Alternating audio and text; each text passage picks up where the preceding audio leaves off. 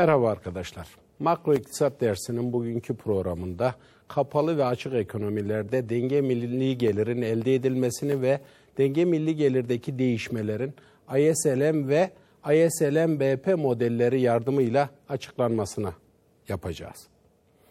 Bugün öncelikle kapalı bir ekonomide denge nasıl sağlanır? Sonra da açık bir ekonomide denge nasıl sağlanır konularını ISLM modelleri yardımıyla analiz edeceğiz. Öncelikle kapalı bir ekonomide denge nasıl sağlanır? Denge koşulu nedir? Dengenin sağlanabilmesi için hangi piyasalarda hangi dengelerin sağlanması gerekirle başlayalım. Arkadaşlar kapalı bir ekonomide ekonomik dengenin sağlanabilmesi için iki piyasada dengenin sağlanması gerekir. Bir, mal piyasası dengesinin sağlanması gerekir. İkincisi ise varlıklar veya kısaca para piyasası dengesinin sağlanması gerekir. Mal piyasalarındaki denge koşulunu biz iki şekilde ifade edebiliriz. Bir, ya bir ekonomide toplam gelir toplam harcamalara eşit olmak zorundadır. Buna biz toplam e, arz toplam talep eşitliği şeklinde ifade edebiliriz mal piyasasındaki denge koşulunu veya arzulanan veya planlanan yatırımların arzulanan veya planlanan tasarruflara eşit olması şeklinde ifade edebiliriz mal piyasasındaki denge koşulunu. Biz ikincisinden yararlanacağız. Yani mal piyasasındaki denge koşulunu arzulanan yatırımların arzulanan tasarruflara eşit olduğu durum şekilde ifade edeceğiz. Şimdi arkadaşlar bir ekonomide tasarrufları belirleyen temel faktörleri biz cari gelirdeki değişmeler, beklenen gelirdeki değişmeler, servetteki değişmeler ve faiz oranındaki değişmeler şeklinde açıklamıştık. Bunun anlamı gelirdeki, cari gelirdeki artışların tasarrufları da arttıracağı şeklindedir. Öbür tarafta faiz oranlarındaki değişmelerin ise burada kastımız reel faiz oranlarındaki değişmelerdir. Reel faiz oranındaki değişmelerin de yine tasarruf edilen miktarı arttıracağı yolundadır. Yani tasarruflar gelirin ve faizdeki artışların doğrusal fonksiyonudur. Bu anlamda tasarruf fonksiyonu faizle ilgilendirirsek pozitif eğimlidir. Yatırımlara bakarsak ise arkadaşlar yatırımlar tasarrufların negatif fonksiyonudur. Peki bir ekonomide biz mal piyasası denge koşulunu arzulanan yatırımların arzulanan tasarruflara eşit olduğu nokta olarak düşünüyorsak o zaman arzulanan tasarruflarla arzulanan yatırımların eşit olduğu mal piyasası dengesinde o mal piyasası dengesini gösteren gelir faiz bileşenlerinin ne olduğu konusunda düşünmemiz gerekir. Şimdi arkadaşlar mal piyasasında dengenin sağlanabilmesi için dedik ki yatırımlarla tasarrufların planlanan anlamda birbirine eşit olması gerekir. Peki bir mal piyasası e, yatırım tasarruf eşitliğinde gelirde bir değişme olursa gelirdeki değişmeler mal piyasası dengesinin korunabilmesi için faiz oranlarında nasıl bir değişiklik gerektirir sorusuna bakmamız lazım. Şimdi arkadaşlar ne dedik? Mal piyasası denge koşulunu biz yat arzulanan yatırımların arzulanan tasarruflara eşit olduğu nokta şeklinde ifade ettik. Varsayalım ki tasarruflar ve yatırımlar başlangıçta tasarrufların Y, Y0 gelir düzeyinde S ve yatırımların da O olarak çizildiği ilk denge noktasında belirlendiğini görelim. Oradaki denge faiz oranı I0, denge gelir ise pardon de, denge yatırım tasarruf miktarı ise I0 S0 şeklinde olacaktır. Peki mal piyasasında böyle bir denge varken acaba gelirde bir artış olursa, gelirdeki bir artış dengenin yani yatırım ve tasarrufların birbirine eşit olarak kalması için faiz oranlarında nasıl bir değişiklik gerektirir? Biz biraz önce dedik ki tasarruflar gelirin doğrusal fonksiyonudur. Yani gelir arttıkça tasarruflar da artar. Varsayalım ki gelirde bir artış olsun. Gelirimiz Y0'dan Y1'e çıksın. Gelirdeki bir artış ne yapacaklar arkadaşlar? Tasarruf eğrisini sağa kaydıracaktır. Ama gelirdeki değişmeler yatırımda herhangi bir değişikliğe sebep olmayacaktır. O zaman ödünç verilebilir fonlar piyasasındaki denge şöyle bir noktadan buraya kayacaktır ki denge durumunda dikkat ederseniz gelirdeki bir artış mal piyasasında dengenin sağlanabilmesi için faiz oranlarında neyi gerektirmektedir? Azalmayı gerektirmektedir.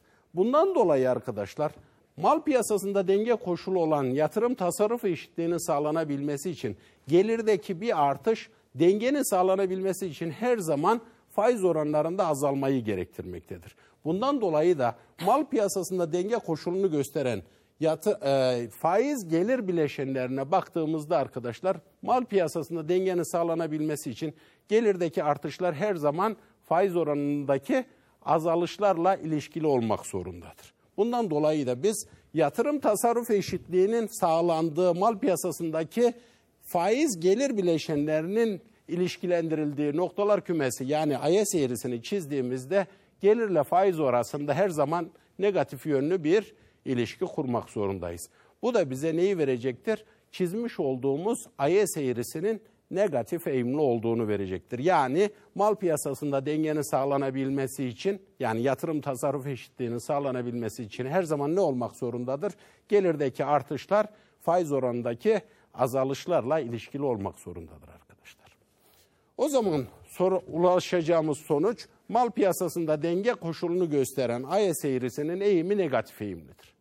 Peki IS eğrisinin eğimini yani IS eğrisinin yatık veya dik olmasını belirleyen temel faktörler nelerdir? IS eğrisinin eğimini belirleyen arkadaşlar iki tane temel faktör vardır. Bir, yatırımların faiz esnekliği. İkincisi ise arkadaşlar çarpan katsayısıdır.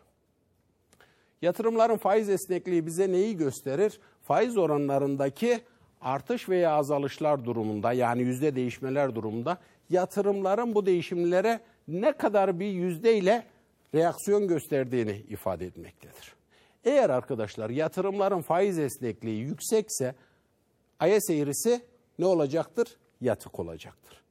Öbür taraftan çarpan katsayısını hatırlarsanız bir biz 1 bölü 1 eksi C yani marjinal tüketim eğilimi olarak ifade etmiştik daha önceki derslerimizde. Çarpan katsayısı arttıkça da yine ne olacaktır arkadaşlar? IS eğrisi daha yatık olacaktır. O zaman yatırımların faiz esnekliği art, e, azaldıkça e, ve pardon yatırımların faiz esnekliği arttıkça ve çarpan katsayısı arttıkça IS eğrisi yatık olacaktır. Tam tersine yatırımların faiz esnekliği düştükçe ve çarpan katsayısı azaldıkça pardon arttıkça ne olacaktır? Ee, IS eğrisi daha dik olacaktır. O zaman unutmayalım yat, e, IS eğrisinin eğimini belirleyen iki tane temel faktör vardır. Yatırımların faiz esnekliği ve çarpan katsayısı. Peki arkadaşlar IS eğrisini bu şekilde ifade ettik, eğimini belirttik. Peki IS eğrisinde sağa veya sola kaymalara hangi faktörler sebep olmaktadır?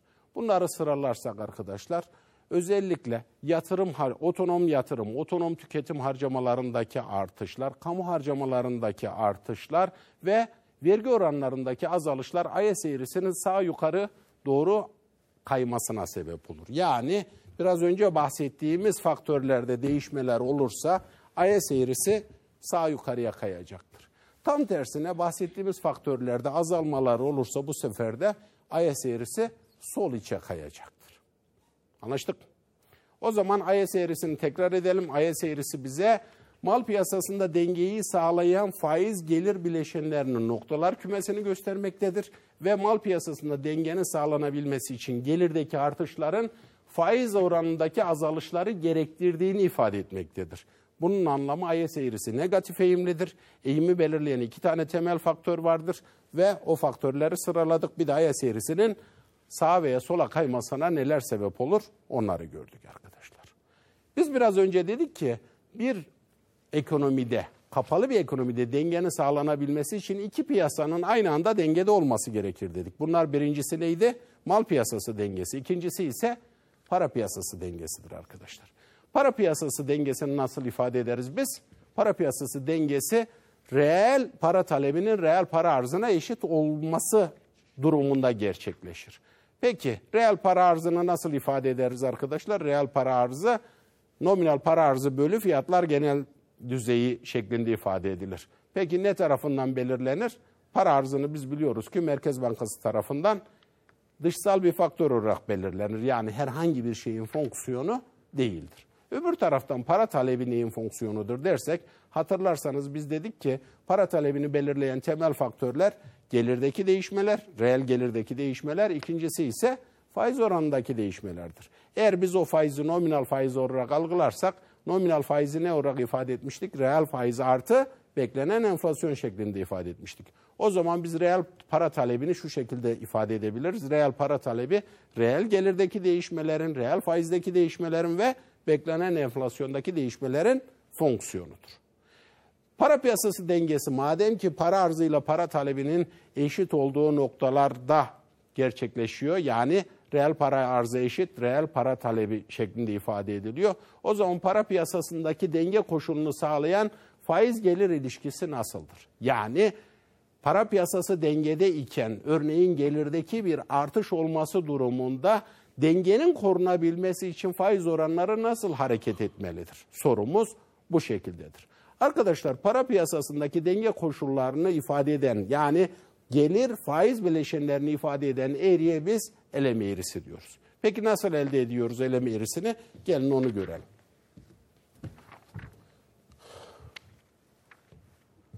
Şimdi arkadaşlar para piyasası dengesini para talebi eşit para arzı demiştik. Para arzını nasıl ifade ettik başlangıçta? Dikkat ederseniz Merkez Bankası tarafından belirlenen egzojen onun için para arz eğrisi yani reel para arzı eğrisi dikeydir. Reel para talebi ise gelir ve faizin fonksiyonu demiştik. O zaman reel para talebiyle reel para arzının kesiştiği şu noktada E1 noktasında para piyasası dengededir. Peki para piyasası dengedeyken faiz oranımız i1, e, reel balanslarımız ise şu noktada olsun arkadaşlar. Böyle bir denge söz konusu iken bizim faiz ve gelir bileşenlerimiz de i1, y1 olsun. Peki gelir düzeyinde bir artış olursa para piyasasında dengenin sağlanması için yani dengenin korunması için faiz oranları nasıl hareket eder? Gelirdeki bir artış arkadaşlar para arzında herhangi bir değişikliğe sebep olmaz. Yani reel para arzı sabit kalır. Peki ne değişir? Reel para talebi değişir. Reel gelirdeki artışlar para talebinde neye sebep olur arkadaşlar? Artışa sebep olur. Neden? Çünkü insanlar gelirleri arttıkça daha fazla işlem yapmak durumunda kalırlar ki o işlemlerde gerçekleştirebilmek için daha fazla miktarda para talep ederler. Yani ellerinde tutarlar. O zaman gelirdeki bir artış neye sebep olacaktır?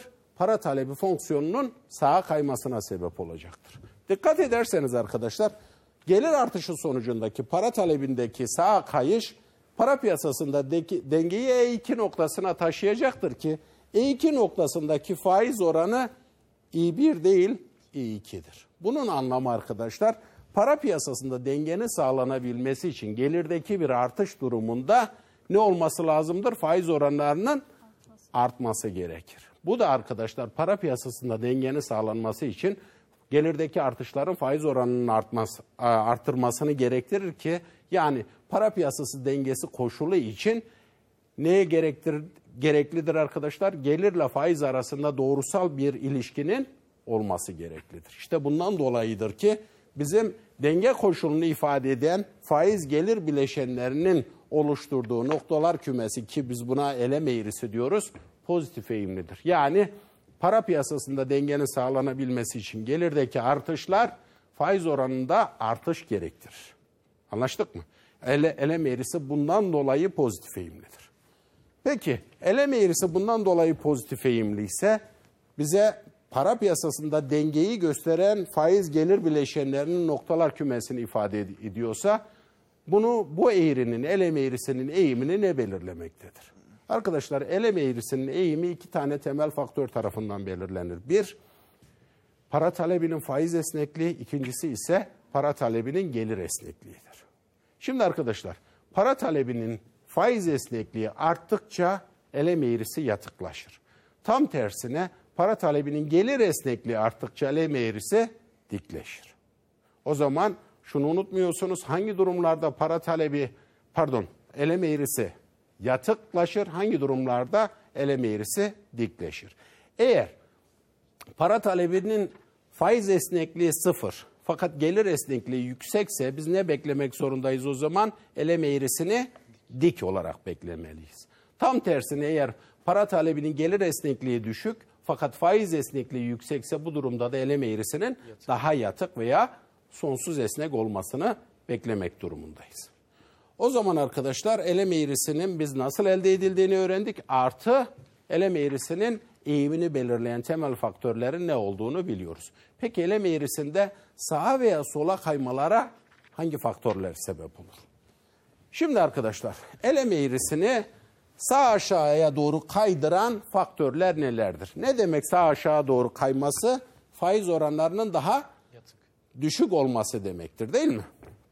Eleme eğrisi eğer sağa kayıyorsa yüksek gelir düzeyinde faiz oranları daha düşük demektir. Arkadaşlar nominal para arzındaki artışlar, fiyatlar genel düzeyindeki azalışlar ve para talebindeki azalışlar eleme eğrisinin sağ aşağı kaymasına sebep olur. Tekrar ediyorum nominal para arzındaki artışlar, fiyatlar genel düzeyindeki azalışlar ve ve dedik para talebindeki azalmalar elem eğrisinin sağ aşağı doğru kaymasına sebep olur. Tam tersine nominal para arzındaki azalmalar, fiyatlar genel düzeyindeki artışlar ve para talebindeki artışlar ise elem eğrisinin sol yukarıya kaymasına sebep olur. Peki şu anda IS ve elem eğrilerini biliyoruz. Dedik ki kapalı bir ekonomide denge koşulu nedir? Mal ve para piyasalarının aynı anda dengeye gelmesidir. Biz IS ve LM eğrilerini elde ettiğimize göre onlar da mal ve para piyasalarında denge koşulunu ifade ettiğine göre o zaman bir ekonomide genel dengeyi nasıl elde ederiz? Cevabımız çok kısa ve net arkadaşlar. Genel denge nasıl sağlanır kapalı bir ekonomide? IS ve LM eğrilerinin kesiştiği noktada. Peki gelir faiz bile e, düzleminde biz bunu nasıl elde ederiz? Kapalı bir ekonomide denge dedik arkadaşlar. Mal piyasasını temsil eden IS eğrisiyle para piyasası dengesini temsil eden elem eğrisinin kesiştiği E noktasında oluşur. Bu noktadaki faiz denge gelir pardon denge faiz oranı gelir düzeyi ise denge gelir düzeyini ifade eder ki denge kapalı bir ekonomideki denge bu şekilde sağlanır. Peki denge bu şekilde sağlanıyorsa elde ettiğimiz gelir ve faiz oranı da denge gelir ve denge faiz oranı ise denge yani ekonomideki genel denge nasıl değişir? Hangi durumlarda değişir? Şimdi arkadaşlar dengenin değişebilmesi için ne olması gerekir? IS ve elem eğrilerinin kaymasına sebep olan faktörlerden herhangi birinin veya birden fazlasının ne olması gerekir? Değişmesi gerekir. Hangi faktörlerdeki değişmeler dengede değişmeye sebep olmaz? Faiz ve gelirdeki değişmeler. Onlar zaten belirlenen faktörler modelimizde. Pardon arkadaş.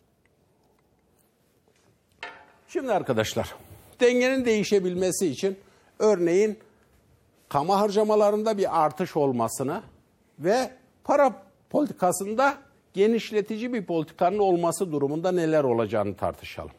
Varsayalım ki ekonomide bir denge var kapalı bir ekonomide ve kamu harcamalarında bir artış var. Biraz önce dedik ki kamu harcamalarında bir artış olursa otonom bir artış bu neye sebep olur? IS eğrisinin sağ yukarıya kaymasına sebep olur. O durumda arkadaşlar IS eğrisindeki sağ yukarıya doğru bir kayma elem eğrisiyle daha yukarıda bir kesişme ifade eder ki bu neyi ifade eder? Denge gelir düzeyinin artmasına aynı zamanda denge faiz oranında artması anlamına gelir. Tam tersini düşünürsek peki kamu harcamalarında bir azalma veya yatırım harcamalarında bir azalma olması durumunda ne olur? Varsayalım ki yatırımcılar gelecek hakkında karamsar. Böyle bir karamsarlık neye sebep olacaktır? Yatırımların azalmasına sebep olacaktır ki bu da IS eğrisinin sol içe kaymasına sebep olur ki arkadaşlar sonuç ne olacaktır? Denge gelir düzeyinin ve faiz oranının azalması, azalması şeklinde ifade edebiliriz. Peki arkadaşlar para politikasındaki değişmeler nasıl ifade edilebilir? Varsayalım ki denge ekonomimiz, kapalı ekonomimiz dengede. Bu denge durumundayken varsayalım ki para talebinde bir artış olsun. Para talebindeki artış neye sebep olacaktı? Elem eğrisinin sol yukarıya kaymasına sebep olacaktı ki bu durumda ne olur arkadaşlar? Denge faiz oranı artarken denge gelir oranı, denge gelir düzeyi azalacaktır. Veya daraltıcı bir para politikası uygulanması durumunda sonuç bu sefer de elem eğrisinin yine sol yukarıya kayması daraltıcı diyorum genişletici değil. O zaman elem eğrisinin yine sol Az yukarı. önce de genişleticiyi demedik mi hocam? Yok. Biraz önce daraltıcı değil de biraz önce dedim ki para talebinde bir daralma olması durumunda ne gerçekleşir diye. Şimdi de para talebi değil de para arzında bir daralma olursa ne olur? Sonuç aynı olur arkadaşlar. Peki arkadaşlar. Kapalı bir ekonomide denge bu şekilde sağlanıyor. Yani mal ve para piyasaları dengelerini ifade eden IS ve LM eğrilerinin kesişmesi durumunda. Dengenin değişmesi de yine IS ve LM eğrilerinin sağa veya sola kayması durumunda gerçekleşiyor. Peki ekonomiler günümüzde birkaçı hariç hep açık ekonomiler. Değil mi? Peki açık bir ekonomide ekonomi dengesi nasıl sağlanır? Bunu nasıl ifade ederiz? Şimdi arkadaşlar açık bir ekonomi durumunda buraya eklememiz gereken şey nedir? Ödemeler dengesi durumu. Çünkü açık ekonomideki e, işlemleri gösteren bilançoya biz ödemeler dengesi bilançosu diyoruz. Peki ödemeler dengesi durumunu gösteren eğriyi nasıl bizim kapalı ekonomide bulduğumuz mal ve para piyasalarında dengeyi ifade eden IS eğrileriyle birleştirebiliriz. Şimdi arkadaşlar ödemeler bilançosu temel iki kalemden oluşur. Bir nedir? Cari işlemler hesabı ve ikincisi ise sermaye ve finans hesabı. Şimdi arkadaşlar cari işlemler hesabı neyi gösterir? Bir ekonominin dış alemle olan ne tür işlemlerini e, döviz ve benzeri yani fon giriş ve çıkışına sebep olan işlemlerini gösterir. Hangi tür işlemlerini? Mal ve hizmet alım satımı sonucunda fon giriş veya çıkışına sebep olan her türlü işlemler cari işlemler hesabında kaydedilir ki bunun en önemli kalemi net ihracattan oluşur. Yani ihracat ithalat farkından oluşur. Bunun yanında diğer faktör gelirleri ve tek taraflı e, transferler de söz konusudur ama esas belirleyici kalem net ihracattır. Şimdi arkadaşlar bir ekonomide bir ekonominin ithalat ve ihracatını belirleyen temel faktörler nelerdir? İsterseniz ona bir bakalım. Net ihracattan bahsederken. Yani cari işlemler hesabı net ihracattan e, en önemli kısmı ondan oluşuyorsa net ihracatı neler belirler ona bakalım.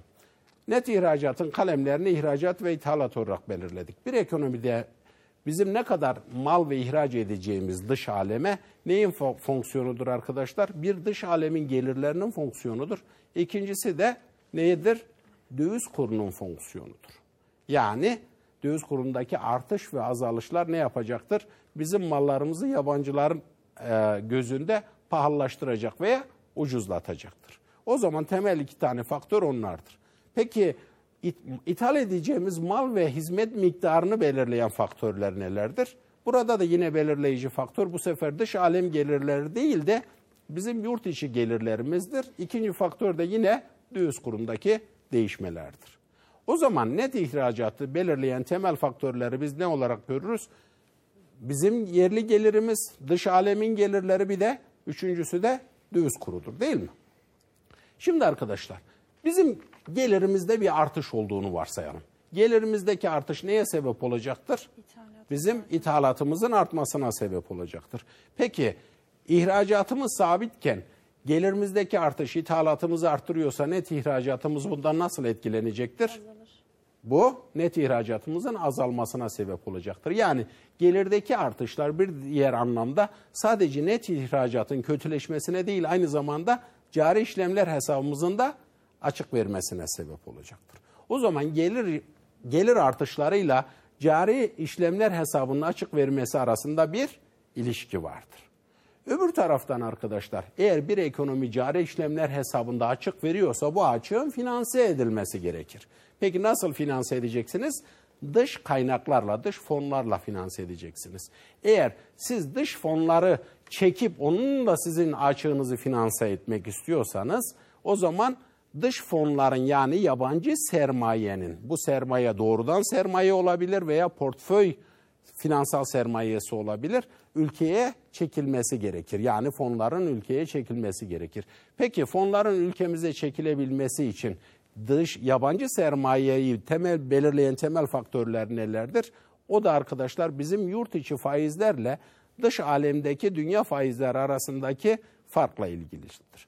Yurt içi faizler ne kadar artarsa yabancılar için bizim ülkedeki varlıkların getirileri o kadar daha cazip olmuş demektir. Yani faiz oranlarındaki artışlar neye sebep olacaktır? Dış fonların ülkemize akması ve bizim açığı finanse etmemize sebep olacaktır. O zaman faiz oranlarındaki artış da fonları cezbetmek için önemli bir ne olacaktır arkadaşlar? Teşvik mekanizması olacaktır. Peki biz madem ki cari hesap açığını yani gelirdeki artışlar cari dengede açığa sebep olurken öbür tarafta bunun finansmanı için ne gereklidir? Faiz oranlarında artış olmalıdır ki biz onları finanse edelim. Bu durumda arkadaşlar dış dengenin sağlanabilmesi için nasıl bir ilişki gereklidir? Gelirdeki artışların aynı zamanda faiz oranlarındaki artışla ilişkili olmasını gerektirir ki biz dış dengeyle dış dengemizi ancak bu şekilde sağlayabiliriz. İşte faiz, gelirdeki artışların faiz oranındaki artışı gerektirmesi ki dış dengenin sağlanmasının temel koşuludur. Bu ilişki bize neyi verir arkadaşlar? Dış, dış dengenin sağlandığı noktalar kümesi olan faiz gelir bileşenlerini verir ki bu bileşenlerin oluşturduğu eğriye de biz BP eğrisi diyoruz. O zaman dış alem dengesinin sağlanması için gelirdeki artışlar ne olması, na, nasıl bir faiz değişmesini gerektiriyor dersek arkadaşlar faiz oranlarında bir artışı gerektiriyor diyebiliriz. O zaman biz dış alem dengesini ifade eden BP eğrisini çizmek istersek BP eğrisi ne olacaktır arkadaşlar? Pozitif eğimli olacaktır. Hangi düzlemde? Gelir faiz düzleminde. Onu gösterelim arkadaşlar bir dış alem dengesini gösteren BP eğrisinde. Dikkat ederseniz faiz gelir düzleminde arkadaşlar BP eğrisi pozitif eğimli çizilmiştir. Yani burada ödemeler dengesi bilançosu dengededir ve bu dengeyi sağlayan gelir artışları faizlerle doğru ilişkilidir. BP eğrisi bize onu göstermektedir. Yani dengenin sağlanabilmesi için dış dengenin gelirdeki artışlar faiz oranında artışı gerektirmektedir. Peki BP eğrisinin eğimini ne belirlemektedir arkadaşlar? BP eğrisinin eğimini belirleyen temel faktör arkadaşlar yabancı sermayenin faizi olan duyarlılığıdır. Eğer sermaye hareketlerinin serbest olduğu bir durum varsa arkadaşlar bu durumda BP eğrimiz sonsuz esnektir. Yani yatay eksene paralel olacaktır BP eğrisi. Tam tersine eğer sermaye hareketler, hareketlerine tam bir kısıtlama söz konusuysa bu durumda da BP eğrisi dikey olacaktır. Peki ekonominin dışa açık bir ekonomide dengenin sağlanma koşulu nedir diye soralım arkadaşlar. Dışa açık bir ekonomide dengenin sağlanma koşulu arkadaşlar aynı anda IS, LM ve BP eğrilerinin kesişmesi durumuyla ifade edilir. Yani mal piyasasında, para piyasasında ve dış dengede eş zamanlı bir denge söz konusudur ve bu dengeyi sağlayan faiz gelir bileşeni de E0 noktasında ifade edilen faiz gelir bileşenidir. Varsayalım ki bir ekonomi dışa açık bir ekonomi şöyle bir dengede olsun. Peki dışa açık bir ekonomide bir denge söz konusu söz konusu iken bu ekonomide para ve maliye politikalarının kullanılması durumunda para ve maliye politikasının etkin olup olmamasını hangi faktör belirler? O soruya bakalım. Şimdi arkadaşlar eğer bizim uygulayabileceğimiz iki şekil, iki döviz kuru rejimi söz konusudur. Bir sabit döviz kuru kur sistemi, ikincisi ise esnek döviz kuru sistemi dediğimiz sistem. Sabit döviz kuru sisteminde gerçekleşen olay nedir? Ülke kendi parasını başka yabancı bir paraya sabitlemiştir. Örneğin eğer Türkiye sabit döviz kuru sistemini seçmiş olsa ne yapacaktır Türkiye? Türk lirasını örneğin Amerikan dolarına veya Avrupa'daki Avrupa Merkez Bankası'nın para birimi olan Euro'ya endeksleyecektir. Şöyle diyecektir, örnek sabit döviz kuru sisteminde 1 dolar varsayalım ki 5 Türk lirası. Bunun anlamı arkadaşlar eğer ülke sabit döviz kuru sistemi uyguluyorsa bunun anlamı Türkiye Cumhuriyeti Merkez Bankası bu kurdan Türk lirası veya dolar almaya her durumda razıdır ve hazırdır demektir. Eğer ülke öyle bir döviz kuru rejimi uyguluyor ise. Öyle bir rejimin uygulandığını varsayalım. Şimdi öyle bir uygulama yok ama varsayalım ki ülke sabit döviz kuru rejimini uyguluyor. Öyle bir durumda arkadaşlar sermaye tam sermaye hareketliliği ve sabit döviz kuru sistemi uygulanması durumunda dışa açık bir ekonomi E, nokta, E0 noktasında dengede olsun. Dikkat ederseniz tam sermaye hareketliliği durumunda BP eğrisinin nasıl olacağını söylemiştik biz biraz önce. Sonsuz esnek olacağını söylemiştik değil mi? Eğer ta, sermaye hareketliliği tam değil de kısmi ise arkadaşlar ne olmasını bekleriz biz? BP eğrisinin pozitif eğimli olmasını bekleriz. Yani biraz daha dik. Ama tam sermaye hareketli durumda böyle bir denge olduğunu düşünelim. Sabit döviz kuru rejiminde arkadaşlar hangi politika etkindir o sorunun cevabına bakalım. Hangi politikalar var elimizde? Para ve maliye politikası.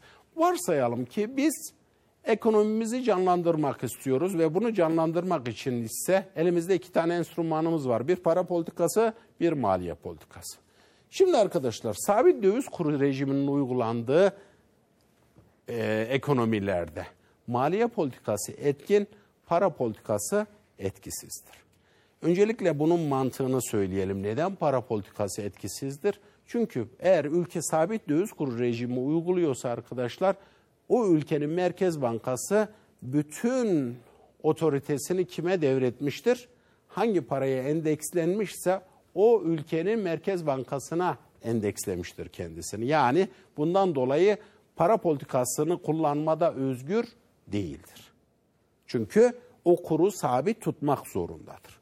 Peki böyle bir sistemde varsayalım ki maliye politikası uygulandı. Maliye politikasının uygulanmasını nasıl düşünelim? Genişletici maliye politikası. Yani kamu harcamalarında bir artış veya vergi oranlarında bir azalış olarak düşünelim. Örneğimiz kamu harcamalarında bir artış şeklinde ifade edilsin. Bu neyin artışına sebep olacaktır? IS eğrisinin sağ yukarıya kaymasına. Dikkat ederseniz IS eğrisi sağ yukarıya kaydığında başlangıçtaki geli, e, denge düzeyi elem eğrisiyle E üssü sıfır noktasında kesişirken e, BP eğrisiyle E1 noktasında kesişmektedir. Böyle bir durumda arkadaşlar ne söz konusudur? Dış alemde denge söz konusu değildir. Dengenin sağlanabilmesi yani döviz kurunun belirlenen döviz kurunda olabilmesi için ne yapılması gerekir? Kamu harcamalarındaki bir artışın para politikasındaki artışla desteklenmesi gerekir ki döviz kuru belirlenen döviz kuruna yani sabitlenen döviz kuruna gelsin. Bu durumda arkadaşlar kamu harcamalarındaki bir artış aynı zamanda para politikasındaki bir artışla destekleneceği için ekonomi mal, para ve dış alem dengesinde E1 noktasında dengeye gelecektir ki dikkat ederseniz E1 noktasında faiz oranı belirlenen faiz oranıdır. Yani hedeflenen fakat gelir düzeyi Y0'dan Y1'e çıkmıştır. Bunun anlamı sabit döviz kuru rejimlerinde uygulanan maliye politikası etkindir. Ne anlamda etkindir? Gelirin arttırılması anlamında etkindir. Peki sabit döviz kuru sisteminde biz maliye politikası değil de para politikası uygularsak ne olur? Bir de ona bakalım arkadaşlar. Yine sermaye hareketliliği tam olsun ve kur sistemimiz sabit olsun. Bu durumda ise arkadaşlar para arzındaki artışlar neye sebep olacaktır? Para arzındaki artışlar elem eğrisinin sağ aşağı kaymasına sebep olacaktır ki elem eğrisinin sağ aşağı kayması durumunda arkadaşlar ne ne söz konusudur? Geri, e, dış alemde denge söz konusu değildir. Yani döviz kuru ne olmuştur? Düşmesi gerekiyordur. Ama döviz kurunu biz sabitlediğimiz için o sabitlemenin geldiği noktaya tekrar çekmek zorundayız. Zaten biraz önce söyledim. Dedim ki Merkez Bankası sabit döviz kuru sisteminde para politikasını uygulama yeterliliğine veya gücüne sahip değildir. Bu anlamda diyeceğiz ki sabit döviz kuru sistemi uygulanıyorsa maliye politikası etkin, para politikası etkin değildir. Tam tersi kur sistemi nedir diye soralım arkadaşlar. Tam tersi ise serbest döviz kuru rejiminin uygulandığı rejimdir ki bu durumda döviz kuru merkez bankalar tarafından değil de ne tarafından belirlenmektedir? Piyasa tarafından belirlenmektedir ve piyasadaki değişmelere göre kur hareket etmektedir. Peki öyle bir rejimde ne söz konusudur? Bir de ona bakalım arkadaşlar. Serbest döviz kuru rejiminde ise arkadaşlar sabit döviz kuru rejiminin tam tersi olarak bu sefer de para politikası etkindir fakat maliye politikası etkin değildir. Yani para politikasındaki genişletici gelişmeler gelirde artış yaratırken maliye politikasındaki değişmeler reel etki yaratmayacaktır. Yani etkin değildir. Peki arkadaşlar, sermaye hareketliliğinin olmadığı durumlarda ne söz konusu olabilir? Orada biraz önce belirttik. BP eğrisi ne olacaktı? Tam dik olacaktı. Yani kısıtlamanın tam olduğu durumlarda o zaman sonuçlarımız değişiklik gösterecektir. Peki bugün ulaştığımız sonuçlar nedir? Onları bir özetleyelim isterseniz arkadaşlar. Bugün kapalı bir ekonomide denge koşuluna baktık. Dengenin sağlanabilmesi için dedik ki mal ve para piyasalarında aynı anda dengenin sağlanmış olması gerekir. O dengenin sağlanması da öyle faiz ve gelir bileşenleri olmalı ki her iki piyasayı da eş zamanlı olarak dengeye getirsin. Dedik ki mal kapalı bir ekonomide denge varken eğer arkadaşlar bu dengenin değişmesi neye bağlıdır? Mal ve para piyasalarının denge koşullarını oluşturan IS ve LM eğrilerinin sağa veya sola kayması ile ilgilidir. Ki biz dersimizde maliye ve para politikalarındaki değişmeler veya IS ve LM'i değiştiren faktörlerdeki değişmelerin bizim dengemizi nasıl değiştirdiğini gördük.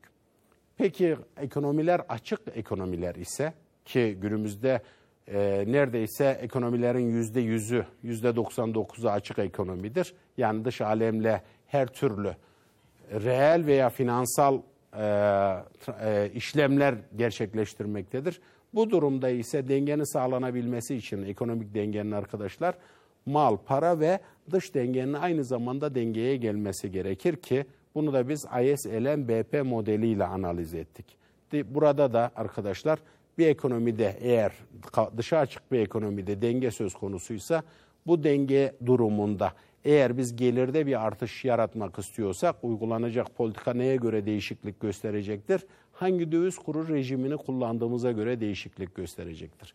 Eğer arkadaşlar ekonomi sabit döviz kuru rejimi kullanıyorsa ki günümüzde bunu kullanan pek çok ekonomi yoktur. Çok az sayıda ekonomi kalmıştır sabit döviz kuru rejimini kullanan. Böyle bir durumda arkadaşlar para politikası etkisiz, maliye politikası etkindir. Tam tersine serbest döviz kuru rejiminin uygulandığı ekonomilerde ise tam tersi olmaktadır. Yani para politikası etkin ama maliye politikası etkin değildir. Değişik örnekleri kitabımızda lütfen takip edelim ve ona göre çalışmalarımızı yapalım arkadaşlar. Son bir dakikamız var programda. Sorunuz varsa cevaplamaya çalışayım. Yoksa programı kapatalım. Sorusu olan yok. O zaman arkadaşlar herkese iyi günler diliyorum. İyi çalışmalar dileklerim.